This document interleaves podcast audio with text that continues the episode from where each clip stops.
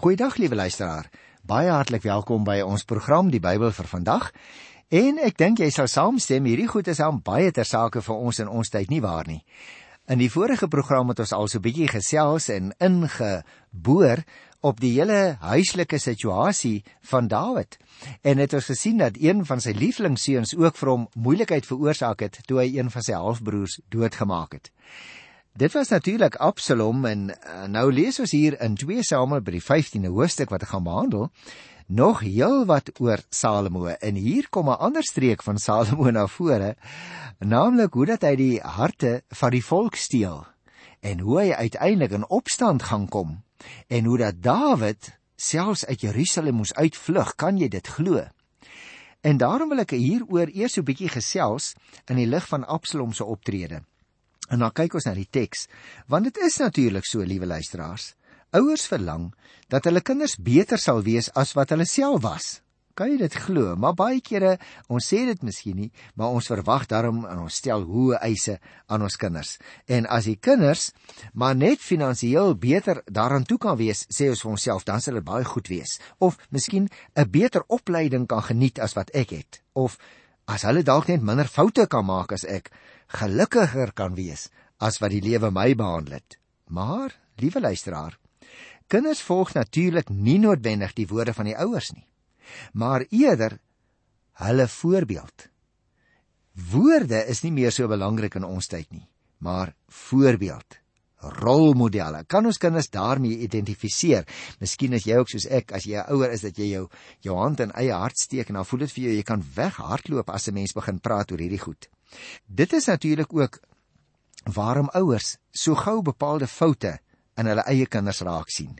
Hulle erken nie hulle eie foute wat eintlik maar net in hulle kinders voortgeplant is nie en wat hulle nou in hulle kinders sien en dan skrik hulle eintlik daarvoor en dan besef hulle nie maar die kind het dit eintlik by my gesien ek wat die rolmodel moes gewees het in 'n positiewe sin. Nou lees ons in die Bybel Dawid moes met 'n stok agtergekom het dat dit ook waar was van hom en Absalom. Hierdie seun was eintlik 'n gebore koning aan sowel vaderskant as aan moederskant. Hy het die voorkoms gehad, hy het die takte besit, hy het mense dinge gedoen wat mense beïndruk het. Hy het die durf gehad om dinge aan te pak en dit deur te voer. Maar Hy het ook ongelukkig terselfdertyd sommige van Dawid se tekortkominge gehad. Soos Dawid gegryp het wat nie aan hom behoort het nie, dink nou maar aan Batseba. So het Absalom ook gegryp. Sy eie pa se koninkryk en byvroue. En daarvoor sou hy uiteindelik met sy lewe betaal. Moet die gelowige ouer nou maar net berus in die feit dat van jou en my foute op ons kinders oorgedra word. Nee, nie noodwendig nie, liewe luisteraar. Ons hoef nie maar net ewe passief daarin te berus nie. Die foute moet die ouers net meer inspireer om die kinders te leer wat om met hulle foute te maak. Met ander woorde, ons moet vir hulle onderrig, ons moet met hulle praat. As daar foute in jou lewe is, as daar dinge is wat jy herhaaldelik verkeerd doen, kom ek help jou dat jy dit kan regkry in jou lewe. Die kind moet met ander woorde, liewe luisteraar, geleer word dat alle mense foute het. En ook dat dit juis die rede is waarom die Here sy seun moes stuur om vir alle mense te kom betaal. O dat ons foute ons juis na God toe moet dryf vir herstel en vir die nuut maak van ons lewens dat ons nie weg van die Here af moet hardloop nie, dat ons kinders ook nie weg van die Here af moet hardloop nie, maar dat ons ons kinders aan sal herinner dat die regmaak en die in orde kry van ons lewens gedoen moet word in oorleg met die Here. Dat ons nie van hom af moet weghardloop nie, want hy is eintlik die groot leermeester. Dat sy gees wat in ons woon, 1 Johannes 3 vers 16, ons juis wil lei. Hoe lei die gees jou? O, in die eerste plek deur die woord, maar ook deur ons wat ouers is, sodat ons hoe langer hoe meer die beeld en die gestalte van die Here Jesus sal aanneem. Ons moet ons kinders leer dat ons nie mense se guns moet wen ter wille van ons eie voorbeeld nie. En dit is nou waaroor dit gaan. hier in 2 Samuel by die 15de hoofstuk. En daarom wil ek graag so 'n bietjie pertinent met jou oor hierdie hoofstuk gesels. Want jy sien as jy die eerste 6 verse lees, dan kom jy agter dat daar al reeds iets lyk wat nie so lekker pleis is nie. Daarna het Absalom vir hom 'n kar en perde aangeskaf. 50 man het gewoonlik voor hom uitgehardloop. Hy het soggens vroeg opgestaan en langs die pad van die stadspoort gaan staan. Hy het elkeen wat met sy saak vir 'n beslissing na die koning toe gekom het, na hom toe geroep. "Uit watter stad is jy?" vra hy dan. As die man antwoord: "Ek is 'n Israeliet," sê Absalom vir hom: "Kyk, jy het 'n sterk regverdige saak, maar by die koning sal niemand na jou luister nie." Kom jy agter wat hier gebeur, liewe luisteraar? Hierdie jong man sê, soos baie van ons jong mense ook in ons tyd, Ek sal liewer met iemand anders praat. Maar ek wil nie met die gesagspersone wat oor my gestel is praat nie. Ek sal liewer met iemand anders praat, maar ek wil nie met my pa praat nie. Ek wil nie met my dominee praat nie. Ek wil nie met 'n onderwyser praat nie. En dit is wat Absalom besig is om hier te doen. As die ouens op pad is om met die koning te gaan praat en hom te raadpleeg oor hulle probleme, dan sê hy vir hulle: "Hoorie, praat liewer met my." Die koning is te besig. Die koning gaan jou nie verstaan nie, man. Die koning is al oud. Met ander woorde, hy is besig om die mense se harte te steel. Hoekom? Want hy het 'n plan. Hy het 'n eie verborgde agenda. Hy wil self uiteindelik op die troon van koning Dawid sit.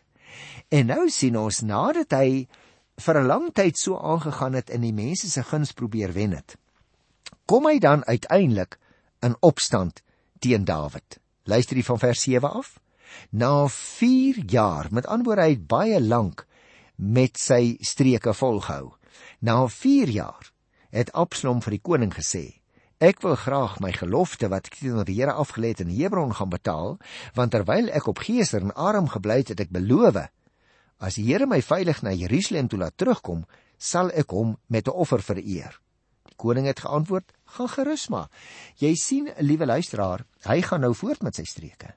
Hy gee teenoor sy pa voort. Hy wil 'n gelofte gaan betaal. Maar eintlik wat hy wil hy weer eens sy eie saak gaan bevorder. En dit gebeur na 4 jaar wanneer Absalom nou uiteindelik eers sy kans kan waarneem. Hy kom onder dekmantel van godsdienstigheid na die koning toe. Hebron natuurlik sou jy onthou was natuurlik 'n baie goeie keuse vir 'n opstand want dit is wat hy eintlik gedagte het omdat dit 'n ou en 'n invloedryke stad in Juda was met 'n heiligdom wat met die aardsvaders verbind is. Met ander woorde hy gaan terug na daardie historiese plek want daar dink hy is dit makliker om in opstand te kom. Nie hier in Jerusalem nie hier gaan te veel soldate van die koning wees. Dit is natuurlik ook daar in Hebron die plek waar Dawid self vroeër tot koning gesalf is. En hier in die hartland van Dawid se ondersteuningsbasis wil Absalom nou sy eie steun onder die mense kom vestig. So hy is besig om op 'n sistematiese manier hom in te grawe en nou beweeg hy in die rigting van die plek waar hy dan uiteindelik as koning gesalf word. As 'n mens nou kyk na die volgende klompie verse, dan sien ons die gevolg was dat Dawid uiteindelik uit Jerusalem moes uitvlug. Hier van vers 13 af tot by vers 18. Kom ek lees 'n stukkie daarvan. Toe kom daar iemand by Dawid met die berig: Die hele Israel is aan Absalom se kant. Dawid het dus 'n hele hofhouding wat by hom in Jerusalem was beveel, maak klaar. Laat ons vlug want Absalom gaan nie genade vir ons hê nie. Maak gou voordat hy ons dalk inhaal en 'n groot ramp ons tref deurdat hy 'n bloedbad in die stad aanrig. Jy merk dit op, liewe luisteraar, hoe dat Dawid dadelik besef, maar nou het ek baie groot probleme. En hy roep dan sy huishouding bymekaar en hy sê die tyd het gekom. Ons sal moet gaan. Dawid besluit met ander woorde om die stad te verlaat. Eerstens om Jerusalem 'n beleg en 'n moontlike verwoesting te spaar. Jy kan sien hy bly eintlik lojaal aan sy mense. Hy wil nie dat die stad as Absalom en 'n klomp volgelinge hom dalk aanval. Hy wil nie dat die stad skade ly nie. 'n Tweede ding val my op.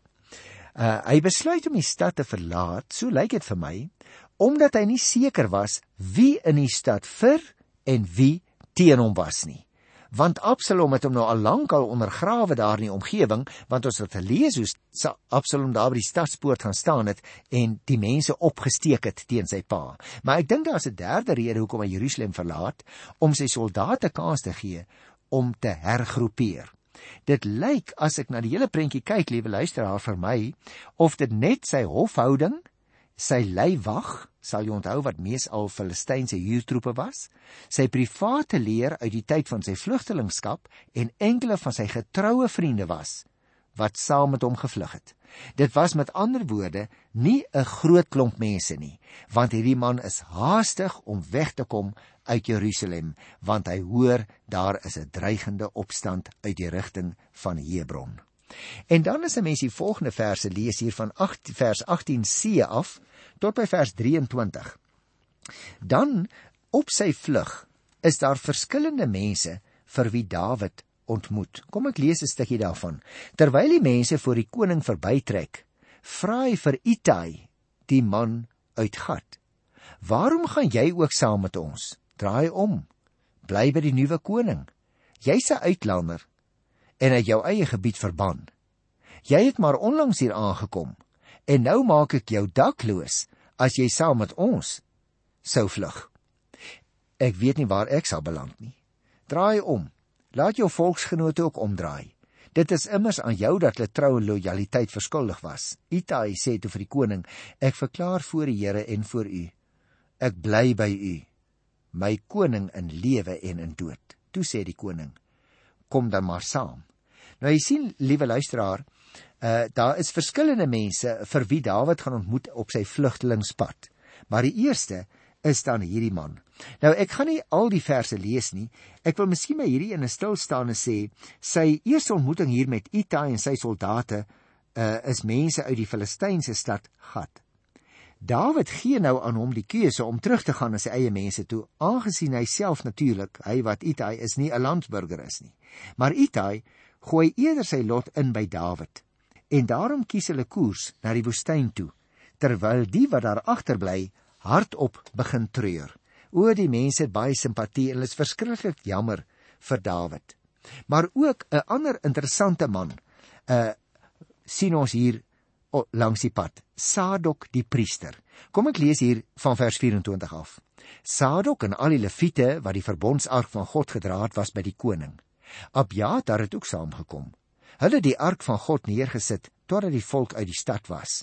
Toe die koning vir Sadok beveel, vat die ark van God terug na die stad toe. As die Here my dit vergun en my terugbring, sal hy my die ark en sy heiligdom weer laat sien. Maar as die Here sou te kenne gee, ek is nie meer tevrede met jou nie, dan sal ek dit aanvaar. Dan kan hy maar met my maak soos wat hy goed vind. Nou liewe luisteraar, is dit nie 'n hartseer situasie nie. Ek kan miskien nog verstaan dat hy Itai wat 'n vreemdeling is, sê goed, jy kan saam met my gaan. Maar hier kom van die godsdienstige leiers en hulle skaar hulle ook by Dawid. Onthou, Sadok die priester bring die ark om saam met hulle te gaan as hulle vlug. Dawid weet egter baie goed, die Here is nie aan die ark gekoppel nie.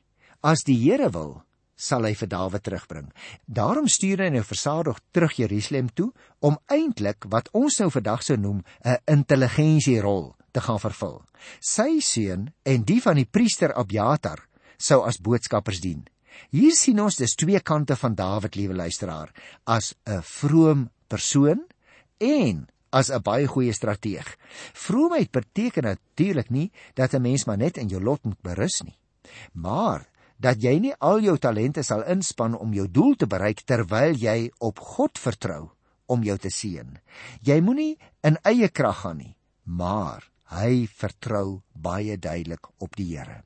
Terwyl Dawid en sy mense met die tekens van boetvaardigheid die Olyfberg uitklim daar aan die buitekant van Jerusalem, dan hoor Dawid dat Agitofel hom ook nou by Absalom geskaar het. En dis 'n verpletterende slag hoor. Maar Dawid weet dat die Here nog altyd in beheer van sy lewe is. Dat die Here in beheer van die hele situasie is. En daarom bid hy dat God die raad wat sy seun Absalom gaan kry ongeldig sal maak. En liewe luisteraars, so is dit vandag natuurlik nog. Die Here is in beheer. Al lyk dit soms vir jou of vir my asof daar nie meer hoop is nie. Uh asof ons die einde van die pad bereik het. Nee, dit is nie waar nie. Die Here bly in beheer ook al lyk dinge soms vir ons baie de mekaar. Lyk dit asof die Here regtig geen beheer oor die situasie meer het nie. Daarom lees ons in die 31ste vers toe aan Dawid gesê is Agitofel is tussen die samesweerders by Absalom. Het hy gebid: Here, laat daar tog niks kom van Agitofel se raad nie. En net so moet jy en ek ook onthou, liewe luisteraar, wanneer daar situasies in 'n land is wat nie in lyn is met wat die Here wil nie wanneer dit lyk asof die owerheid in 'n verkeerde rigting gaan, wanneer dit lyk asof die werk waarby jy betrokke is, se leiers, se bestuurder, se uitvoerende manne nie regloop nie. Weet jy wat? Dan leer ons hier 'n baie belangrike ding. Ons kan vra dat die Here deur sy gees daardie mense in 'n ander rigting sal stuur. Daarom dat Dawid hier mooi bid: Here, laat daar tog niks kom van die samesweders se verkeerde raad nie. Het jy al ooit daaroor gedink dat jy 'n geweldige sterk invloed kan hê ook op situasies deur te bid dat die Here deur sy gees die ding in 'n regte rigting sal laat loop. Die laaste stukkie van 2 Samuel 15 wil ek graag so bietjie in groter detail versie vir versie met jou bespreek. Mens kry dit hier van vers 32 tot 37 en uh, dit is selde liewe luisteraars dat 'n gebed so vinnig verhoor word soos wat ons hier lees. Die wyse ou man, Gisai, kom vir Dawid te. En Dawid kom hom terugstuur om as teenwig vir Agitofel te dien. En nou hierdie laaste paar versies. By vers 32. Toe Dawid op die kruin kniel in die rigting van die ark van God, het Gusai die Erekiet onverwags by hom aangekom. Sy klere was geskeur, daar was grond op sy kop. Het jy opgelet? David laat nie die saak maar net daar by die gebed nie, maar hy gebruik vir Gusai om Agitofel se raad te verydel. Gusai word Dawid se vriend genoem volgens vers 37 en mens kry dit ook in 1 Kronieke 27 en daarmee word die een of ander amptelike posisie in die paleis as dit ware bedoel lyk dit vir my. Erek die plek was geleë wes van Bethel. Maar kom ons kyk na die 33ste vers. Dawid het vir hom gesê: As jy saamgaan, sal jy vir my 'n oorlas wees. Nou ek weet nie hoekom Dawid dit vir hom gesê het nie, maar daarom het ek net nou gepraat van die wyse ou man. Uh die rede hoekom Dawid dus vir hom hier sê as jy saamgaan sal jy vir my oorlas wees. Lyk dit vir my kan net toegeskryf word aan die feit dat Gusai moontlik oud was. En hierdie bejaarde sou dit dan moeilik maak vir da Dawid om die swerftog vinnig te kan doen want onthou hy is besig om vir sy lewe te vlug. Luister na vers 34 maar as jy teruggaan stad toe en vir Absalom sê: "U majesteit, ek is u onderdaan. Ek was in u vader se diens, maar van hierdie oomblik af is ek u onderdaan. Kan jy vir my Agitofel se raad tot niet maak?" En daarom het ek net nou vir jou gesê, Dawid was nie net 'n vroom man self nie, maar hy was ook 'n baie goeie strateeg. Dawid het juis in hierdie ou man die geleentheid gesien om Agitofel se raad aan Absalom te verydel. Daarom sê hy vir hom: "Gaan terug En dalk kan jy 'n invloed hê in hierdie hele situasie. Vers 35 sê: "Kyk, die priester Sadok en Abiatar sal daar by jou wees. Alles wat jy uit die paleis hoor, moet jy hulle vertel." Dawid is dus baie geïnteresseerd in wat die situasie presies daar gaan wees. Hy sou inligting uit die binnekring van Absalom se raadgewers kon kry en dit aan Sadok en Abiatar meedeel. En natuurlik, liewe luisteraar, dit was van lewensbelang vir Dawid. Want hy vlug vir sy lewe en as hy eers weg is van Jerusalem, hoe gaan hy inligting kry? Daarom stuur hy hierdie ou man daar na die kerngroep in Jerusalem, want hy weet dan gaan dit moontlik wees uh, as hulle vir hierdie ou man inligting gee om dit weer verder vir hom wat Dawid is deur te gee. Vers 36 sê: Hulle twee seuns, Ahimaas en Jonathan, is saam met hulle daar. En wat julle daar ook al hoor, kan julle vir my met hulle laat weet. Jy sien, liewe luisteraar, daar word die plan vir ons nou baie presies uitgespel. Saam met die priesters se twee seuns sou Dawid dus 'n paar loyale ondersteuners in Jerusalem agterlaat en sodoende deur hulle inligting kry van Absalom se bewegings en van al sy planne wat hy op die tafel sit saam met die ouens wat met hom in opstand kom teen koning Dawid. En dan sê die 37ste vers vir ons: Gusai, die vriend van Dawid, het oor die stad ingegaan en Absalom was op pad na Jerusalem toe. Ag, is dit nie hartseer situasie nie. Hierdie bekende en geslaagde en beroemde koning Dawid moet nou ter wille van sy eie seun wegvlug uit sy eie stad. Maar terselfdertyd is daar 'n edel moment daaraan, want Dawid wil nie graag hê dat Jerusalem aangeval moet word en skade moet kry nie. Gisai lees ons hier in vers 37 het toe ingestem en teruggegaan na die stad toe voordat Absalom dit nog bereik het natuurlik en sodoende sou Absalom nie kon verhoed dat Gisai eintlik aan Dawid getrou gebly het nie. Nou, liewe luisteraar, as 'n mens nou na hierdie ek wil amper sê nie net hartseer verhaal nie, maar ook vreemde verhaal. Uh kyk wat ons hier kry in 2 Samuel 15. Dan leer ons 'n hele paar belangrike dinge daaruit. Ons leer hoe belangrik dit is dat 'n mens nie met ander moet konkel en die wat oor jou gestel is uit die kussings moet probeer lig omdat jy met jou gekonkel mense na jou toe trek nie.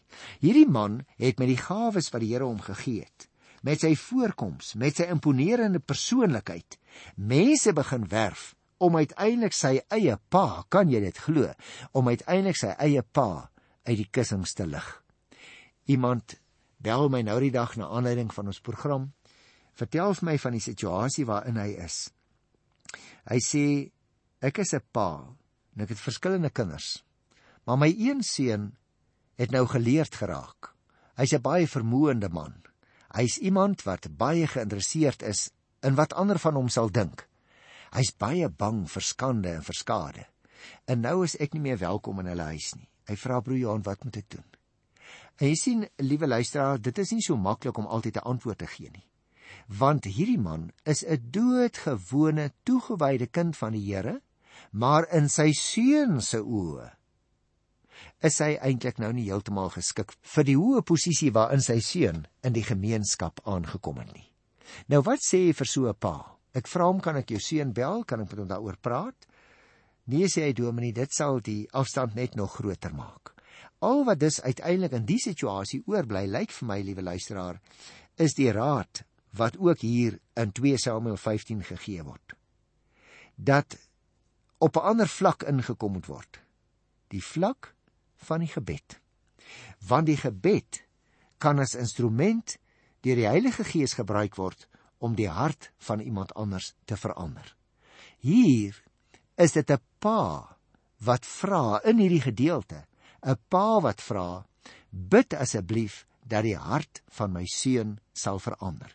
En dit is maar die raad wat ek ook vir hierdie ou vader wat my gebel het, uh gegee het. Want jy sien broer en suster wanneer ons planne soms opraak, wanneer ons woorde leeg klink, wanneer ons raad uitgeloop het, dan het die Here nog woorde en raad en planne. Dinge wat ons dalk nie eers ken nie of verstaan nie. En daarom bid die Here dat hy in die hart werk van iemand wat onreg optree dalk teenoor jou persoonlik. Ek groet jou in die wonderlike naam van die wonderlike Here Jesus Christus, ons koning. Tot volgende keer. Totsiens.